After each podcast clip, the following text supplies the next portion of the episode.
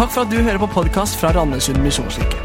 Denne talen er spilt inn på en av våre gudstjenester på søndager klokken 11.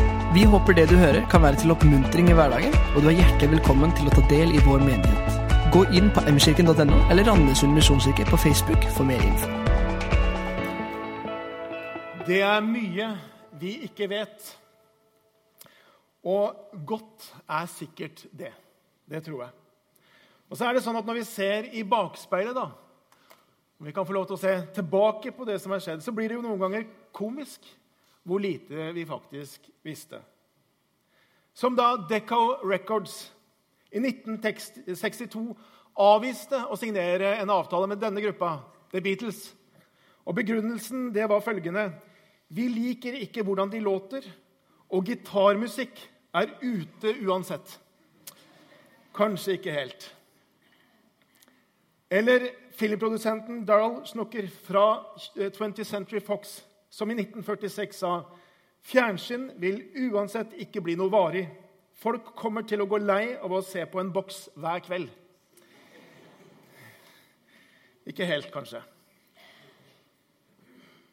Eller Stephen Balmer, som så seint som i 2007 sa følgende Han sier at um, at iPhone skulle få en vesentlig markedsandel, anså han for å ikke ha en sjanse i havet. Og så vet vi hvordan det ble.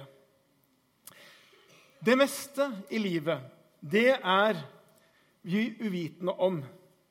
Vi tenker, vi håper, vi tror. Men er det noe vi kan vite i det hele tatt? Og Vi starter nå en taleserie som vi har kalt 'Sikkert og visst'. Og Det er mye også i vår trosvandring som er uviss og ukjent, sånn som livet er. Men Bibelen sier faktisk at det er noen ting vi kan vite. Det er noen ting vi kan stole på. Det er noen ting som ligger der, og som er sikkert. Og det er dette vi har lyst til å sette fokus på eh, de neste fire søndager. På slutten av sitt første brev sier den gamle disippel Johannes følgende. Og Han forteller der om hvorfor han skriver. Han sier, 'Dette har jeg skrevet til dere for at dere skal vite at dere har det evige liv.' 'Dere som tror på Guds sønns navn.' Dette skriver jeg til dere for at dere skal vite. Og ordet 'vite' eller 'vet' Det går igjen 38 ganger i dette korte brevet. første Johannes brev. Så det er som om Johannes han vil hamre inn at det er faktisk noen ting dere kan stole på. Det er noen ting dere kan vite. Og hva er det han snakker om? Jo, Han sier dere kan vite at det apostlene forteller om Jesus Kristus, at det er sant. Og så hamrer han det inn. Han sier dere kan vite at dere faktisk er tilgitt. Og så hamrer han det inn. Han sier dere kan vite at dere er elsket av Gud. Og så hamrer han det inn. Dere kan vite at dere skal få lov til å være i Kristus. Dere kan vite at dere er her for å leve ut Guds kjærlighet. Igjen og igjen og igjen understreker den gamle disippel dette. Det er noen ting dere kan vite. Og Det har vi lyst til å sette fokus på disse søndagene. Det som jeg syns er interessant, det er at når han skriver sitt evangelium, Johannes' evangelium, ja, så setter han et annet fokus. Og på slutten av Johannes' evangelium så sier han også der hvorfor han har skrevet. Og han sier der Men disse tegn er skrevet ned for at dere skal tro at Jesus er Messias, Guds sønn, og for at dere ved troen skal ha liv i hans navn. Så målet med Johannes evangeliet, det er på en måte målgruppa er jo de som lurer på hva skal vi gjøre med Jesus. Hvor skal vi plassere han? Og så sier han at Målet med Johannes evangeliet det er å skape denne troen på at Jesus er den han sier han er. Og Derfor så skriver han om disse tegnene, som han sier. Men Johannes' første brev, hvem er det skrevet til? Jo, til menigheten, til de kristne, til de som tror, sånn at de skal vite at de har evig liv. Derfor så skriver han det brevet. Og Vi skal være da i 1. Johannes brev fire søndager nå i to søndager før vi tar sommerferie, og to søndager etter at vi har tatt sommerferie. Så gjennom denne sommeren så er vi i 1. Johannes brev. Og så har vi, så har vi på en måte tenkt på det. Vi har jo sommerferie. Da har vi jo god tid. Så hva kan vi gjøre da? Og så har vi en sommerutfordring til dere Sommerutfordringer 18, nei, 2018. Den har vi lyst til å gi dere. Og hva er det? Jo, det er å lese gjennom Johannes sine skrifter. Johannes evangelium, 1., 2., 3. Johannes brev og Johannes' åpenbaring i løpet av sommeren. Det er 50 kapitler. Så hvis du leser ett kapittel hver dag, ja, så er du gjennom det på 50 dager. Den utfordringen har vi lyst til å gi dere. Og I den lille folderen som dere fikk på vei inn, så står det litt mer om det. Det står også en leseplan på den ene siden der, så jeg har lyst til å anbefale det. Eh, tar dere utfordringen? Så bra. Da har vi en avtale. Veldig flott. Men i dag så skal vi altså gå til 1. Johannes brev. Og vi skal lese der noen helt fantastiske vers. Det er noen av disse versene som jeg igjen og igjen og igjen lander i. 1. Johannes brev, fra vers 5, og så skal vi lese til, to, til og med de to første i kapittel 2.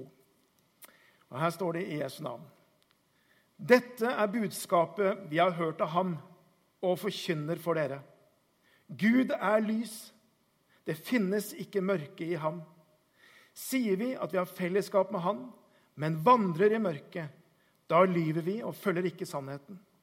Men dersom vi vandrer i lyset, slik Han selv er i lyset, da har vi fellesskap med hverandre, og blodet fra Jesus, Hans sønn, renser oss fra all synd.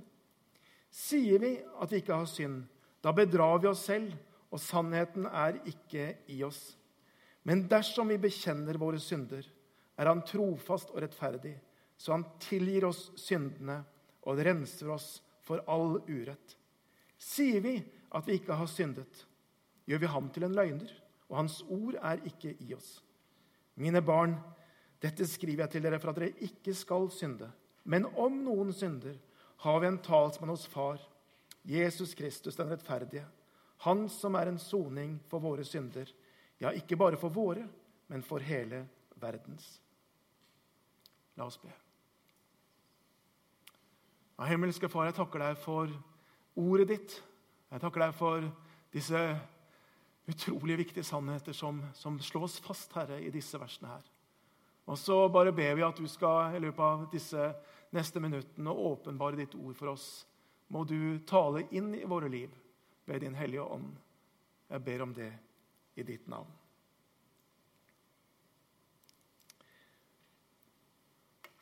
Og gjennom disse versene så ønsker altså disippelen Johannes, den gamle apostel, å slå fast noen ting, nemlig det at vi kan faktisk vite noe om dette som har med tilgivelse og vite noe hva vi skal gjøre med synd i vårt liv.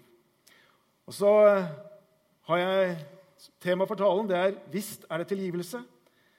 Eh, det skal vi forsøke å utlegge med tre punkter. Tilgivelse. Ja, vi trenger det. Jeg skal si noe om det. Tilgivelse. Da må vi bekjenne.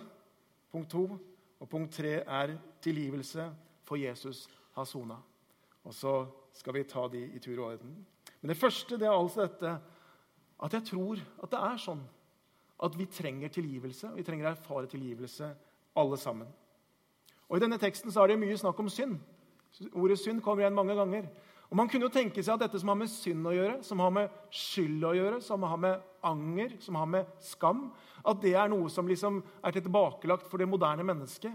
Etter tiår med mantra om at du kan gjøre din egen, eller leve ditt eget liv, gjør som du vil, du former din egen sannhet, ingen skal bestemme over deg. Det er jo noe av det der mantraet som, som, vi hører igjen og igjen. Så kunne vi tro at da var jo dette med synd ferdig, for da lever jo det livet som vi ønsker. Og så ser vi allikevel at det snakkes masse om skam i dag. Det snakkes masse om skyld. Det snakkes masse om anger rundt omkring og overalt.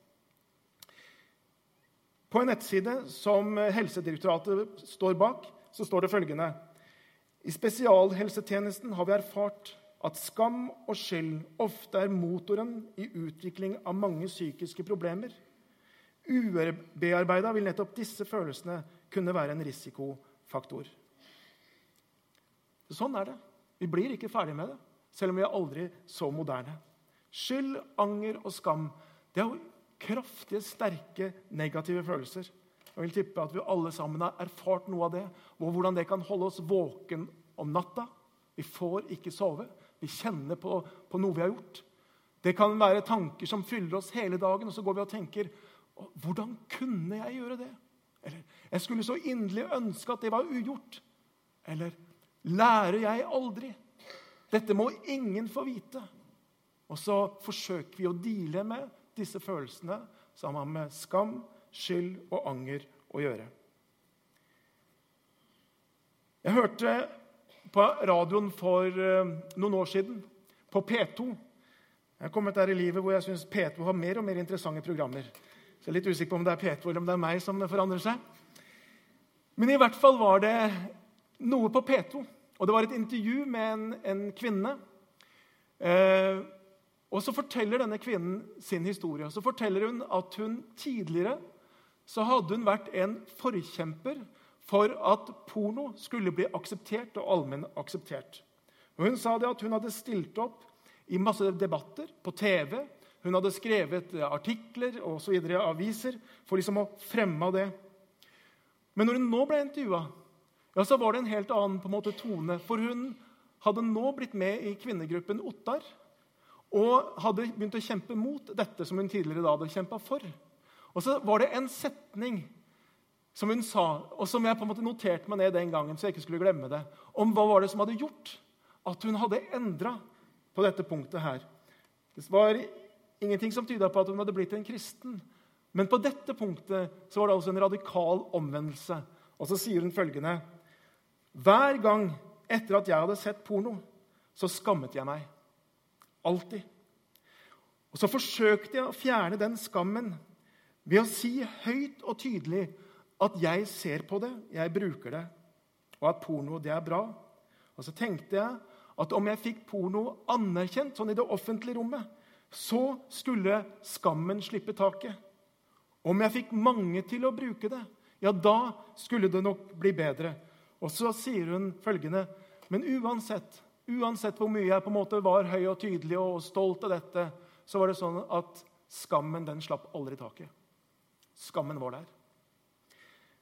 Jeg tenker, Legg merke til på en måte strategien hun bruker for på en måte å deale med sin egen skyld, skam og anger. Jo, hun forsøker på en måte å være sånn stolt av det og si at 'se, jeg gjør det'. Men det hjalp ikke. Hun forsøker å gjøre det allment akseptert. liksom. Hvis samfunnet rundt aksepterer det, ja, da blir det borte, dette jeg kjenner på her inne. Og så ble det allikevel ikke det. Hun tenker, hvis, hvis jeg får andre til å bruke det og stå fram med det, ja, da blir det bedre. Men det slapp aldri taket. Det blei aldri bra inni henne. Skammen forsvant aldri, sier hun. Og så tenker jeg, Når jeg hørte dette, så tenker jeg, ja, er det ikke veldig ofte sånn vi opplever på en måte disse strategiene, om det er i samfunnet for øvrig, eller sånn i det hele, eller om det er i vennegruppa? Ikke sant? Det der at det man egentlig angrer på, det forsøker man å gjøre allment akseptert, sånn at man kan si ja, det er jo helt normalt. Eller det man man kjenner man har brutt noen grenser, så forsøker man å gjøre det eh, at mange andre gjør det. Ikke sant? Du må prøve det. For vi kan si alle gjør det. Så tenker vi da slipper det taket. Eller vi kan på en måte forsøke å være, bare være stolt av det. Si at jeg er stolt av dette. Ja, så slipper disse følelsene taket. Men de gjør ikke det. Det er feilslåtte strategier. Og så sier hun men skammen slapp aldri taket. I den teksten vi leste sammen, så går Johannes han går i rette med en del sånne feilslåtte strategier. Jeg vet ikke om du la merke det i teksten, men, men tre ganger så starter han en setning med følgende eh, Sier vi at? I vers 6, vers 8 og vers 10. Og det som kommer etterpå her, det er det som noen sa, noen vranglærere som hadde begynt å på en måte komme til syne i menighetene. Og det er disse vranglærerne om disse tingene som Johannes her tar tak i. Det første han sier det rette, eller det første disse vranglærerne sa, det var at troen har ingenting med hvordan vi lever å gjøre, sa de. Sier vi at vi har fellesskap med Han, men vandrer i mørket, da lyver vi og følger ikke sannheten. Og Disse vranglærerne de påsto at det var mulig å leve et god relasjon med Gud, men leve nøyaktig som de ville i livet. Det var gnostiske retninger som begynte å påvirke kristne på denne tiden, eller menigheter på denne tiden. her. Og Gnostikerne hva mener de? Jo, de mener at ånden det er det egentlige mennesket. Ånden er det som er godt. Ånden er det som er edelt. Ånden er det som kommer fra en lyssfære langt ute. Ånden er det som Gud vil ha noe med å gjøre. Og så sa de på den andre siden men kroppen, det fysiske, det er ondt. Eh, så Derfor så er det vanntett skott mellom ånden og det fysiske. Og da ble logikken i det. Så, så lenge jeg har det godt med Gud, ja, så betyr det ingenting hva jeg gjør med kroppen. For den er jo ond uansett. Den skal bare få gå uansett. Så Det var noe på en måte logikken i det. Så sier de det betyr ingenting hvordan du lever, så lenge du har det godt med Gud. Og så kan vi jo høre noe av ekkoet av dette også i dag. Mennesker som sier ja, jeg har jo min tro. Jeg lever kanskje ikke som jeg burde, men det er jo ikke så farlig. Ikke sant? Jeg har jo min tro. Og så deler man opp, og så sier man at det som har med ånden å gjøre, det har ingenting med kroppen å gjøre. Og det er Johannes. Han går imot dette og sier, 'Lever vi slik?' Og vi sier at vi har fellesskap med Gud, som er lys, men vandrer i et mørke. Ja, så sier han, Da gjør vi oss til løgnere. For Gud er lys, og vi kan ikke da vandre i et mørke. Og det å si at man lever med Gud, men holder Gud utenfor de fleste områder i livet, så sier Johannes da lever vi på en livsløgn. Og Bibelen avviser denne typen dualisme. Den andre feiloppfatningen som Johannes går imot, den har vi i vers 8. Det er de som sier 'Jeg har aldri gjort noe galt, jeg angrer ikke på noen ting', osv. Sier vi at vi ikke har synd, da bedrar vi oss selv, og sannheten er ikke i oss sier Bibelen. Og Så hører vi kanskje noen si det, at ja, mennesket er jo egentlig godt på bunn. Mennesket er jo godt. Når mennesket gjør noe ondt, så er det bare på en måte situasjonen omkring. Da er det samfunnet, da er det dårlige venner, da er det klasseundertrykking eller hva som er, som gjør at mennesket av og til handler på en ond måte. Men mennesket er godt på bunn. Og så tenker jeg noen ganger skulle jeg ønske det var sånn. Skulle jeg ønske jeg var god på bunn. Og så tror jeg jeg må gi Jesus rett når Jesus sier følgende For fra hjertet kommer onde tanker, mord, ekteskapsbrudd, hor, tyveri, falske vitnesbyrd, spott. Jesus sier disse tingene de kommer ikke utenfra, men de kommer fra hjertet mitt. Og Derfor så blir det på en måte så mye verre. Og Derfor så handler det ikke om at uh, man bare er på feil sted til feil tid. Nei, det er noe her inne som er problemet. Fra hjertet kommer disse tingene. Johannes sier om at vi påstår at vi ikke har synd, ja, da bedrar vi oss selv. En ny livsløgn.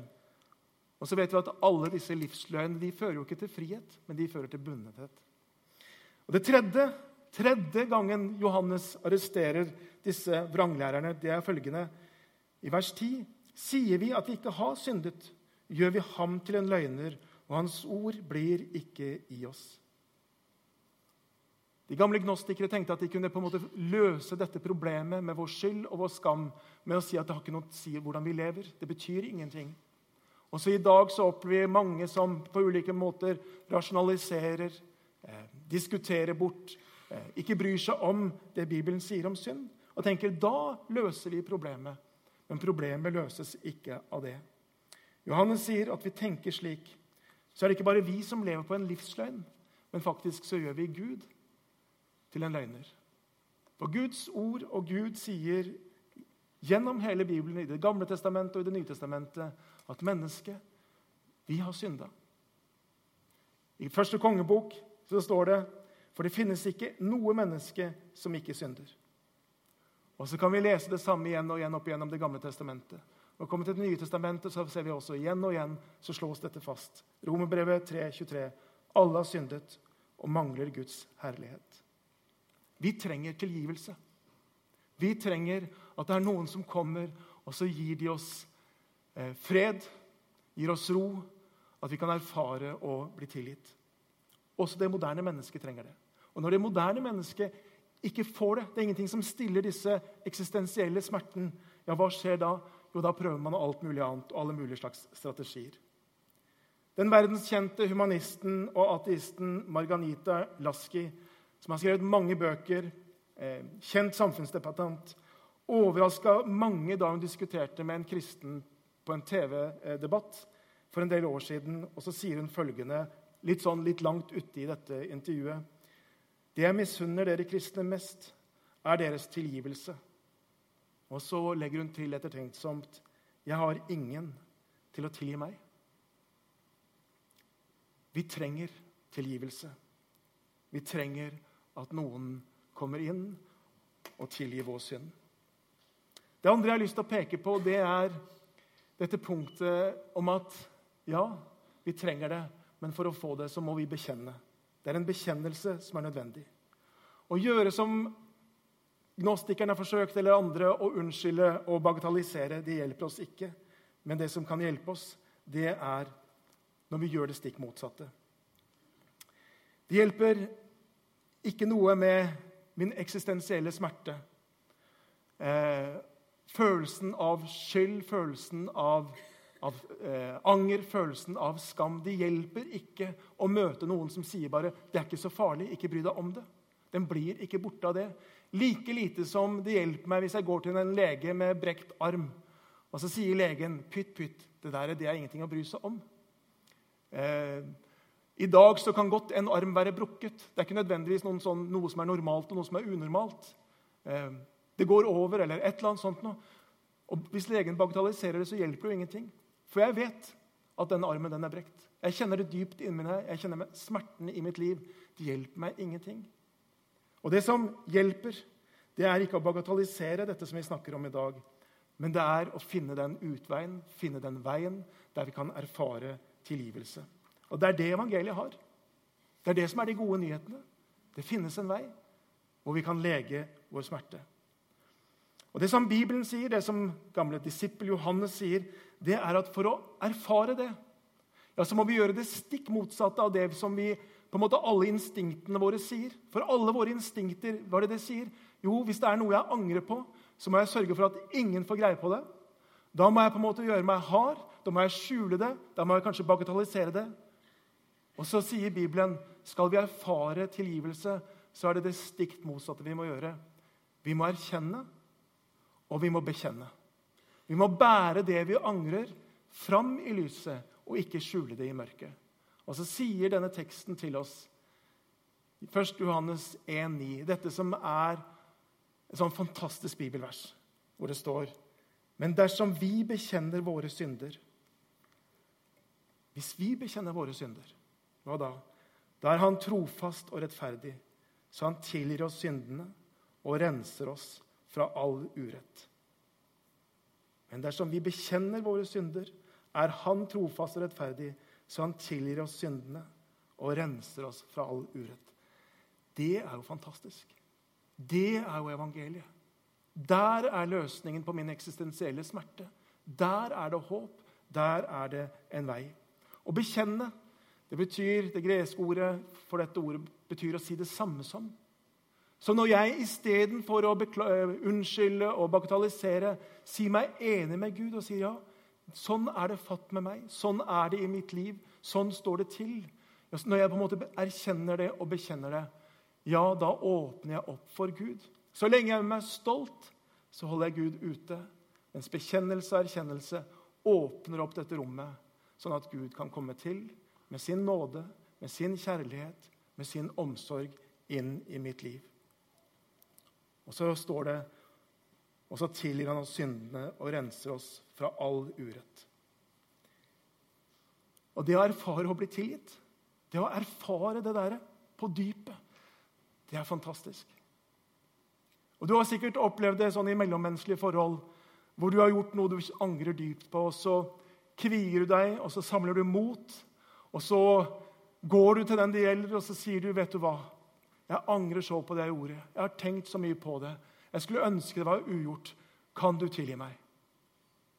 Og når den andre da møter deg, kanskje gir deg en god klem, og så sier vet du hva, det er helt ok. Åh, Det er godt, det. Ja, Det er fantastisk. Og Sånn er det også når vi våger å erkjenne og bekjenne for Gud. Så møter han oss med en god klem, og så sier han du er tilgitt. Du er tilgitt. Og så går det sånn på dypet av oss mennesker. Jeg tror jeg aldri kommer til å glemme den unge mannen som jeg observerte en stund. Jeg la merke til han fordi han var, han var så duknakka, krumbøyd, rent sånn fysisk til å være så ung. Han var stille. Han var liksom innkrukt i seg sjøl. Og Så gikk det en stund, og så kom han til en samtale. Og så delte han noe om hvordan hans anger, hans skyld, hans skam hvordan på en måte det bare spiste han opp innenfra. Og Så fikk jeg lov til å sitere Johannes, 1. Johannes 1,9. Dersom vi bekjenner, er Han trofast, tilgir oss syndene, renser oss fra all urett. Fikk jeg lov til å legge hendene med ham på ham og så stå i Guds sted og se på dette ordet så er dine synder tilgitt. Og så var det som det skjedde noe med han der og da. Liksom, du så hvordan han pusta ut. Tårene kom. Og Så observerte jeg han seinere, og så var det som denne gutten var blitt en halvmeter høyere. Han var sosial, han var utadvendt, han var livlig. Og så tenkte jeg det er det største underet jeg har sett. Det er det største underet jeg har sett. Et menneske som virkelig griper dette og blir tilgitt av Gud. Så, Men hvordan kan vi vite da at vi faktisk er tilgitt? Hvordan kan vi eie en sånn visshet om det? Og Det er det tredje punktet vi skal se på. Og tilgivelse det er mulig rett og slett fordi at Jesus han har sonet vår synd. Det nye testamentet, Johannes, peker ett sted på dette spørsmålet. Hvordan kan vi vite? Og det stedet det er korset. Det er Golgata. Det er det eneste som gjør at vi kan være sikre og at vi kan være trygge på at vi er tilgitt, og at vi har evig liv. Det eneste som vi kan være trygge på. Johannes 2, 1-2 sier følgende.: Men om noen synder har vi en talsmann hos Far, Jesus Kristus den rettferdige. Han er en soning for våre synder. Ja, ikke bare for våre, men for hele verdens. Så Det eneste som kan være, gjøre oss sikre på at vi er tilgitt, at våre synder er sonet, det er hvis vi plasserer alt på Han. 100 av vår eh, grunnlag for tilgivelse må vi plassere på Jesus. Hvis vi tror om bare litt på at jeg må gjøre opp med mine gode gjerninger, det vonde jeg har gjort Hvis det er bare på en måte et snev av det, så vil vi aldri bli sikre på hva er godt nok? Vi vil aldri kunne vite. Hvis vi tror at det er når jeg er på en måte min grad av anger eller min, hvor stor min sorg er over min synd på en måte Det er det som gjør at jeg skal være sikker. Så kommer vi aldri til å bli sikre. For når vi, angrer vi nok? Når er vi lei oss nok over det vi har gjort? Hvis vi tror at det er sånn at jeg må på en måte ramse opp alle mine synder for at Gud skal tilgi det. Når vet vi i så fall at vi liksom har huska alt og bekjent alt? Vi kan ikke henge det på noen av disse tingene. Det eneste som vi på en måte kan henge det på, det er dette. Jesus Kristus, han er en soning for mine synder.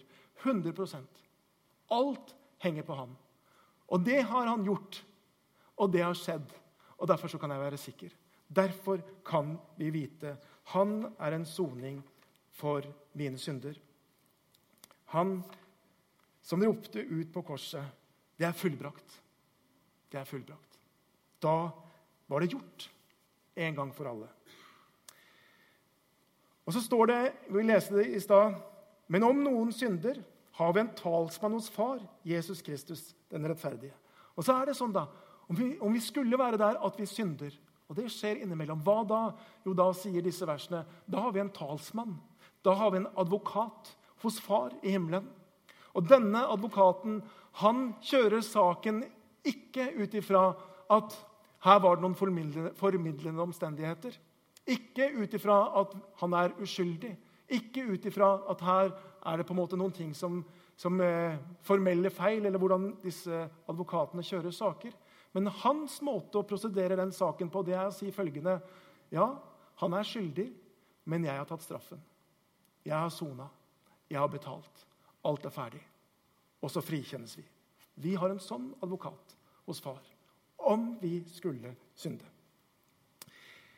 Når vi vandrer i lyset, når vi erkjenner og bekjenner, Når vi bringer våre skjulte liv og våre dypeste hemmeligheter fram i lyset hos Gud, ja, da har vi samfunn, står det, fellesskap med Gud, som er lys. Men det står også noe annet, og noe som jeg syns er veldig interessant. Det står at når vi gjør det, når vi vandrer i lyset, når vi på en måte er åpne og ærlige med våre liv, hva da? Jo, da får vi også fellesskap med hverandre. står det. Da har vi samfunn med hverandre, leser vi her. Dersom vi vandrer i lyset, slik han selv er i lyset, da har vi fellesskap med hverandre. Og blodet fra Jesus, hans sønn, renser oss fra all synd. Og Det er interessant. For det er sånn at så lenge vi skjuler oss, så lenge vi på en måte har disse mørke gjemmestedene i våre liv, ja, hva skjer da? Jo, da er vi først og fremst opptatt av oss sjøl. Vi er opptatt av å ikke røpe oss, vi er opptatt av fasade, vi er opptatt av å framstå bedre enn det vi er. Men i det øyeblikk vi åpner opp for Gud, og også for mennesker, og sier at 'jeg har disse feilene', 'jeg faller på disse områdene', 'jeg har disse tilbøyelighetene', hva skjer da? Jo, da får vi jo fellesskap på en helt annen måte. Det finnes ikke noe dypere fellesskap enn en tilgitte syndere. De som vet at sånn er livet, men så får vi lov til å være tilgitt. Jeg har opplevd det igjen og igjen og igjen så mange ganger at når vi er i en gruppe, når vi er sammen med noen få, og så blir det en sånn på en måte kultur eller en åpning der som gjør at alle åpner opp om sine liv, forteller det som er fallgruver, der vi sliter, der vi har synd, da blir det jo et fellesskap dypere enn noe annet fellesskap. Når vi vandrer i lyset, da har vi også fellesskap med hverandre. Det binder oss sammen. Helt til slutt Det er ett vers jeg bare vil at du skal kunne, at du skal kunne utenat, at du skal bruke, at du skal sitere. Og det er 1. Johannes 1,9. Hvis du ikke allerede kan det, så sørg for at du lærer det utenat. Der står det men dersom vi bekjenner våre synder, er Han trofast og rettferdig, så Han tilgir oss syndene og renser oss fra all urett. Det er noe å holde fast på. Det er noe du kan vite. Det kan du stole på. Det kan du bygge på. Og det kan du forkynne, både for deg og for andre. Du er tilgitt når du har bekjent dine synder, og Jesus har fått lov til å tilgi deg. Så er de tilgitt, selv om følelsene dine skulle fortelle noe annet. Det kan du vite. Skal vi be. Kjære Jesus Kristus. Jeg takker deg for fantastiske evangeliet som, som, er i disse versene her, Herre. Takk for at du, du er så utrolig nådefull. Du er så utrolig raus mot oss. Og din kjærlighet, Herre, den, den, gikk så langt at du ga ditt eget liv. Og så har jeg bare lyst til å be for oss alle at vi skal få lov til å gripe vissheten om dette i vårt eget liv. Du ser, kjære Jesus, at noen ganger så er det ting vi har gjort som liksom aldri slipper taket, Herre. Og så bare be at eh, vi som er her i dag, at vi må få lov til å erfare det. Din tilgivelse i vårt liv. Det miraklet som det er. At vi kan få lov til å erfare at vi kan stole på ditt ord. At vi kan holde fast på det. Og som følelsene skulle si noe annet. Takk at du berører oss som er her. Takk for at du møter oss som er her. Amen.